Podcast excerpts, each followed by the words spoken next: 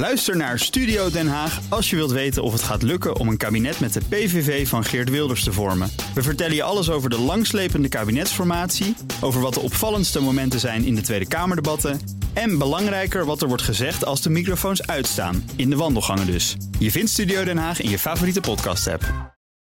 Dit is de Oekraïne Ochtend Update. Mijn naam is Geert-Jan Haan. En ik ben Bernard Hammelburg. We praten hierbij over de laatste ontwikkelingen in Oekraïne. En de gevolgen voor en de reacties van de buitenwereld. Je vindt deze podcast in je favoriete podcast-app.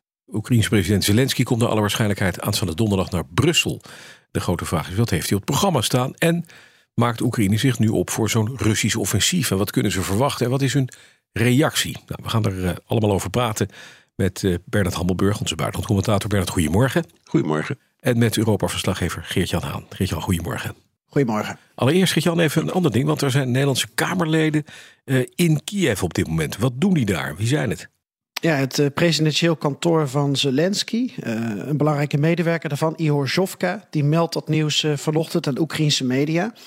En je ziet een, een foto ook van Nederlandse Kamerleden van de Buitenlandcommissie, die in ieder geval dan dus gisteren in Kiev zijn geweest om bij het kantoor van Zelensky te praten over ja, alles wat er nu speelt rond de oorlog. Um, met als belangrijke ja, boodschap, de, en zo wordt het dan genoemd, de implementatie van Zelensky's vredesformule. Je weet misschien nog wel dat tienpuntenplan dat Zelensky een tijd geleden presenteerde. De weg naar vrede. Nou, dat stond onder andere op de agenda. En op de uh, foto's zie je inderdaad uh, ja, voor ons bekende uh, hoofden uit het Nederlandse ja. parlement. Kijk aan. Dan dat bezoek wat Zelensky mogelijk gaat brengen aan Brussel. Uh, de voorzitter van de Europese Raad, Charles Michel, heeft de Oekraïnse president uitgenodigd om deel te nemen aan een, aan een top in Brussel. Zegt zijn woordvoerder Barend Leids op Twitter. Ja, dat ja. klopt. En maar wat we daarvan weten. Ja. Ja, nou, uh, de, de formulering is vaag. Uh, heeft uh, volgens Barend Leids ook te maken met veiligheidsmaatregelen. Mm. dat er niet te veel over kan worden uitgeweid. Um, ook wij kunnen melden dat het er wel naar uitziet. laat ik een slag om de arm houden dat Zelensky donderdag in Brussel is.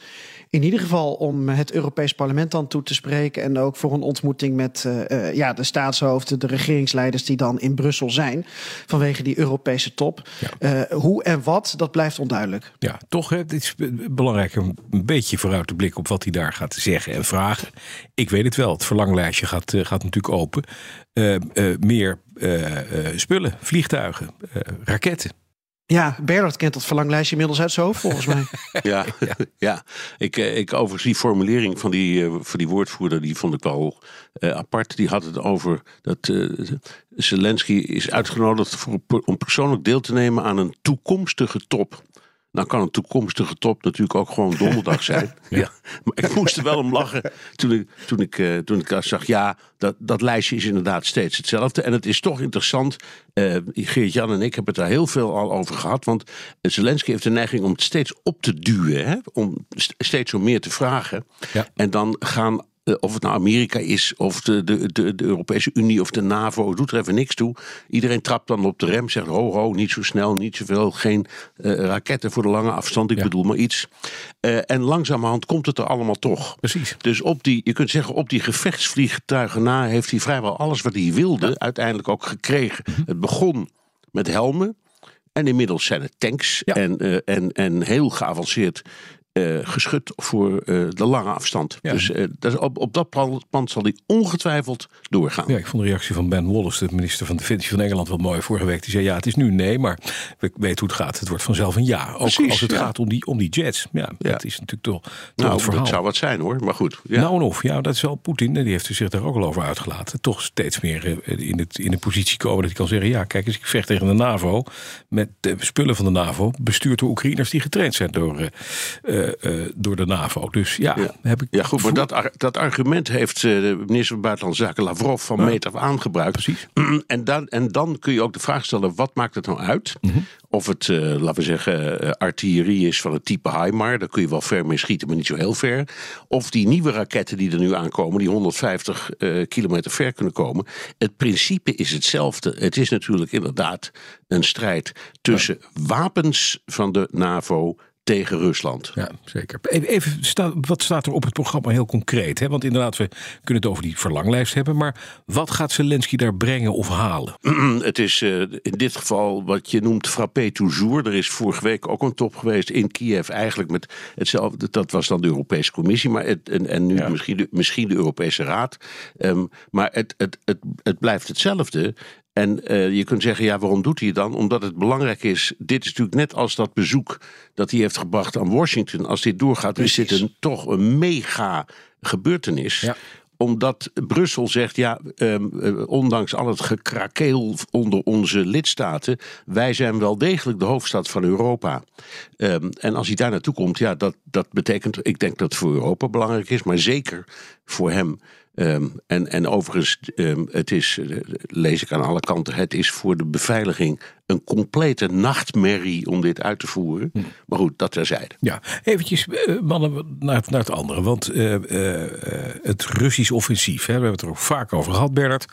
Dat staat ons te wachten zo rond 24 februari. Zeggen veel mensen de verjaardag van de oorlog. Hè. Dan is het een jaar geleden dat de Russen Oekraïne aanvielen. Kiev zou solide inlichting hebben over nieuwe Russische aanvalsplannen. En die zou inderdaad al binnen 10 dagen, dus voor die 24 kunnen worden uitgevoerd. Wat, wat weten we over zo'n eventueel nou, offensief? en wat is de reactie van de, van de Oekraïners? Het, eerlijke antwoord is eigenlijk niks. Mhm. Eh, we, we, speculeren aan de hand van dingen die worden gezien. Bijvoorbeeld dat de verwachting is dat de Russen niet meer dezelfde fout zullen maken door, ik zal maar zeggen, met niet gemotiveerde beginnelingen aan de slag te gaan. Of met Wagner-troepen, maar gewoon met goed getrainde troepen van het reguliere leger. Want die zijn er wel degelijk. Uh, dat op zichzelf is al een gevaar. Maar niemand weet precies hoe groot of langs, laten we zeggen, op hoe groot het gebied is waar dat offensief zich zal uh, afspelen. Ja. er zijn allerlei sombere berichten. De gouverneur van Donetsk. Um, die zegt, je ziet nu al dat, dat de strijd enorm toeneemt. Ehm, de, de gouverneur van Luhansk zegt: Het is hier iets minder geworden, maar dat is een afwachting van meer. Het is de strijd om Bakhmut, die, ja, dat blijft maar doorgaan. Dus dat zijn de dingen die we nu zien en weten. Mhm. Maar de, de, de, de vrees dat het een heel groot offensief wordt langs een hele. Uh, lange, lange, ja. ja, lange grond. Dat, dat, dat neemt echt toe. Ook Harm Edens vind je in de BNR-app. Je kunt BNR Duurzaam niet alleen live luisteren in de app, maar ook terugluisteren als podcast, zoals al onze podcasts. En naast dat de BNR-app Breaking News meldt, houden we je ook op de hoogte van het laatste zakelijke nieuws. Download nu de gratis BNR-app en blijf scherp.